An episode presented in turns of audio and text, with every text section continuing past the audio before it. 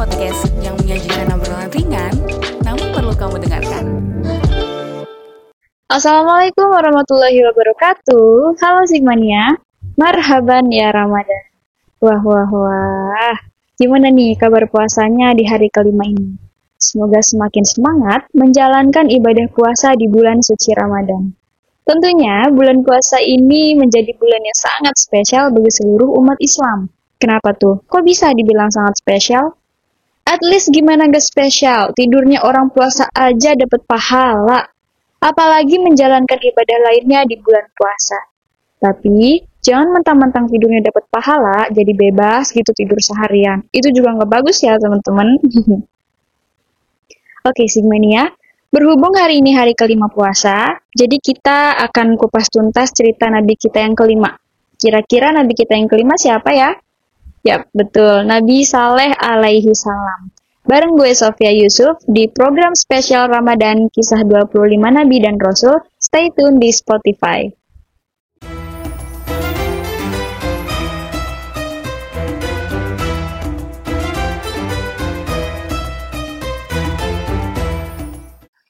Nabi Saleh alaihi salam merupakan salah satu dari 25 nabi utusan Allah Subhanahu wa taala yang menerima wahyu untuk dirinya sendiri. Nabi Saleh alaihi salam merupakan nabi kelima yang diutus untuk menyebarkan ajaran menyembah Allah Subhanahu wa taala. Setelah kehancuran kaum Ad yang hidup di zaman Nabi Hud alaihi salam. Beberapa ulama meriwayatkan jika Nabi Saleh alaihissalam memiliki seorang ayahanda bernama Ubaid. Nabi Saleh alaihissalam diangkat oleh Allah Subhanahu wa taala sebagai seorang nabi pada tahun 2100 SM.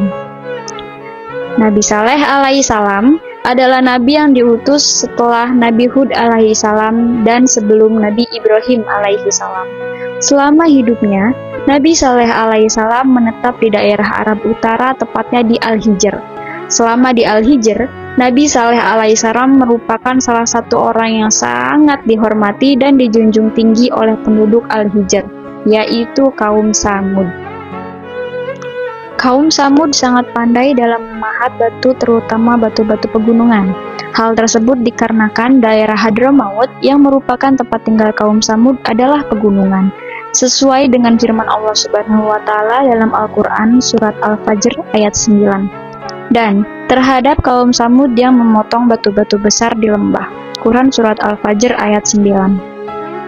Kaum Samud yang menjadi target dakwah dari Nabi Saleh alaihissalam adalah kaum yang menyambung hidupnya melalui bercocok tanam, arsitektur, dan beternak.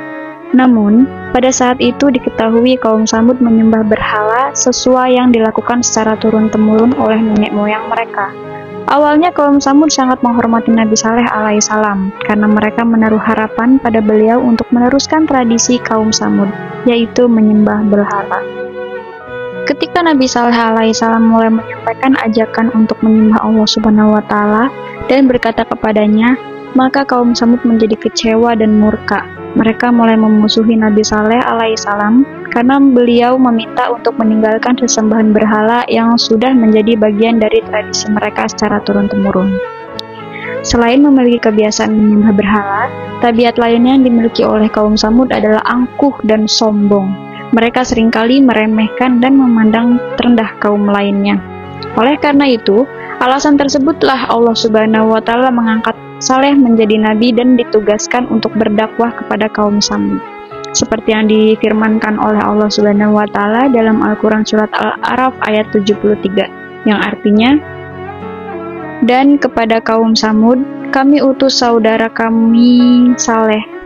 Dia berkata, "Wahai kaumku, sembahlah Allah, tidak ada Tuhan bagimu selain Dia."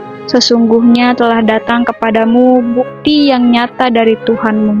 Ini seekor unta betina dari Allah sebagai tanda untukmu. Biarkanlah ia makan di bumi Allah. Janganlah disakiti, nanti akibatnya kamu akan mendapatkan siksaan yang pedih.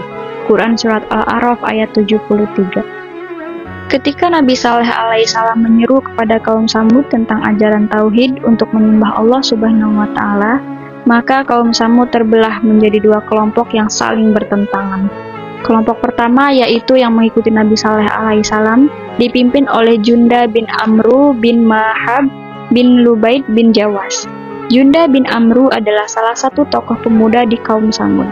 Selain itu, Nabi Saleh alaihissalam juga dianggap sebagai penipu karena mereka tidak percaya apabila utusan Allah Subhanahu wa taala adalah manusia biasa seperti mereka, sehingga mereka menuntut mukjizat kepada bukti sebagai bukti kerasulannya.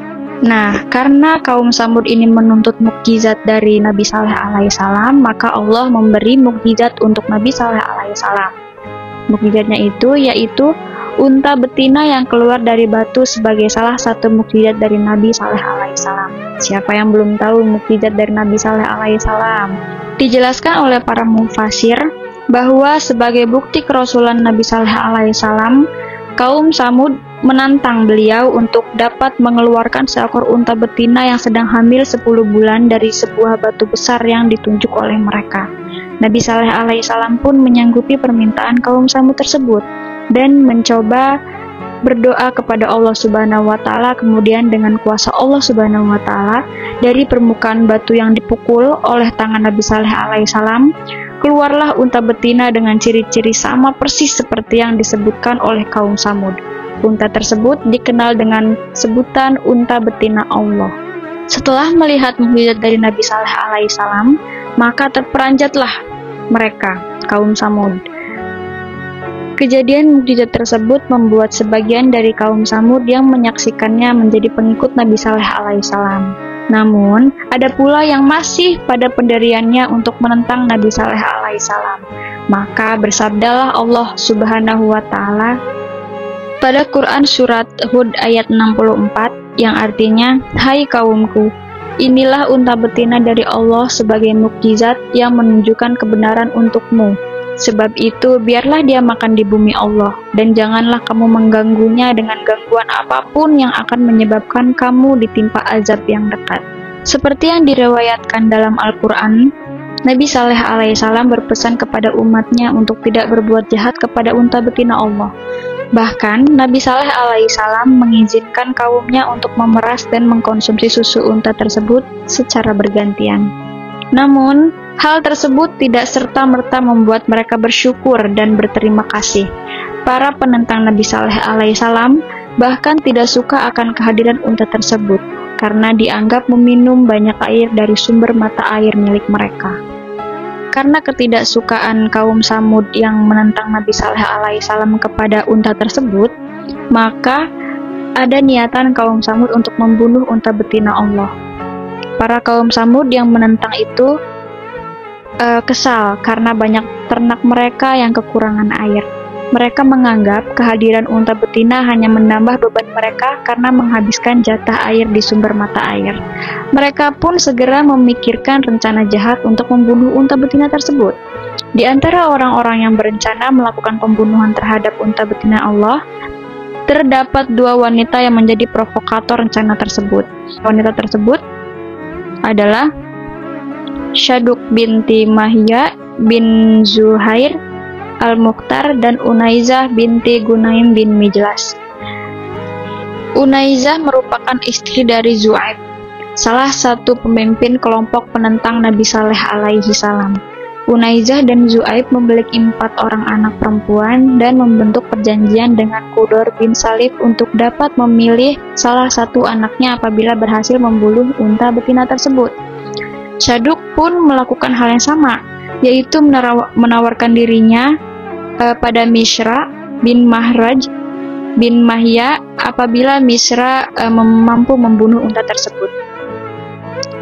Kudor dan Misra yang tergiur dengan tawaran kedua wanita tersebut bertekad penuh untuk membunuh unta betina dengan mengajak empat pemuda uh, pemuda yang lainnya. Mereka mengawasi ketika unta betina sedang minum air di mata air. Lalu secara kilat memanah betis unta tersebut sembari menikam bagian perut unta dengan menggunakan pedang. Dengan begitu terbunuhlah unta betina Allah yang merupakan mukjizat dari Nabi Saleh alaihi salam. Selanjutnya, Nabi Saleh alaihissalam sangat sedih ketika mendapati bahwa unta betina Allah telah dibunuh oleh kelompok penentangnya. Nabi Saleh alaihissalam pun segera mengingatkan para pembunuh unta agar segera bertaubat atau azab yang pedih akan datang. Namun, mereka justru meremehkan peringatan dari Nabi Saleh alaihissalam, bahkan menentang agar azab segera diturunkan. Maka Nabi Saleh alaihissalam pun berpesan kepada mereka untuk bersukaria selama tiga hari sebelum datangnya azab. Seperti yang diriwayatkan Allah Subhanahu wa Ta'ala pada Al-Hud, Quran Surat Al-Hud ayat 65. Maka mereka menyembelih unta. Kemudian dia soleh berkata, Bersukarialah kamu semua di rumahmu selama tiga hari. Itu adalah janji yang tidak dapat didustakan. Quran Surat Al-Hud ayat 65 Selanjutnya, pada hari pertama sebelum datangnya azab yang menewaskan pembunuh unta dan para kaum Samud yang ingkar, wajah mereka berubah warna menjadi kuning. Pada hari kedua, wajah mereka menjadi merah. Dan pada hari ketiga, wajah mereka menjadi berwarna hitam.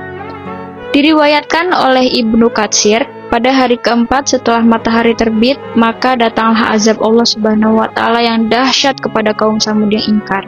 Azab yang diterima oleh mereka adalah terdengarnya suara keras dari langit dan terjadilah gempa bumi yang sangat dahsyat. Para pembunuh unta dan kelompok penentang Nabi Saleh alaihissalam pun mati bergelimpangan di rumah mereka masing-masing. Diceritakan bahwa tidak ada satupun kelompok penentang Nabi Saleh alaihissalam yang selamat, kecuali Kalbah binti Ashab. Kalbah adalah seorang budak perempuan yang pada saat azab terjadi melarikan diri ke arah perkampungan Arab, lalu menceritakan kejadian azab tersebut kepada penduduk di sana. Sedangkan Nabi Saleh alaihissalam dan para pengikutnya yang beriman kepada Allah Subhanahu wa taala selamat dari kejadian tersebut. Meskipun tidak diceritakan dalam Al-Quran mengenai kehidupan Nabi Saleh alaihissalam dan pengikutnya setelah kejadian yang menimpa kaum Samud, namun terdapat sumber yang mengatakan bahwa mereka berpindah ke daerah Ramlah di kawasan Palestina. Nah, selesai sudah cerita kita tentang Nabi Saleh alaihissalam. Tentunya banyak sekali intisari dan inspirasi yang harus kita ambil dari cerita tersebut. Gak kerasa nih, kita udah ada di penghujung acara.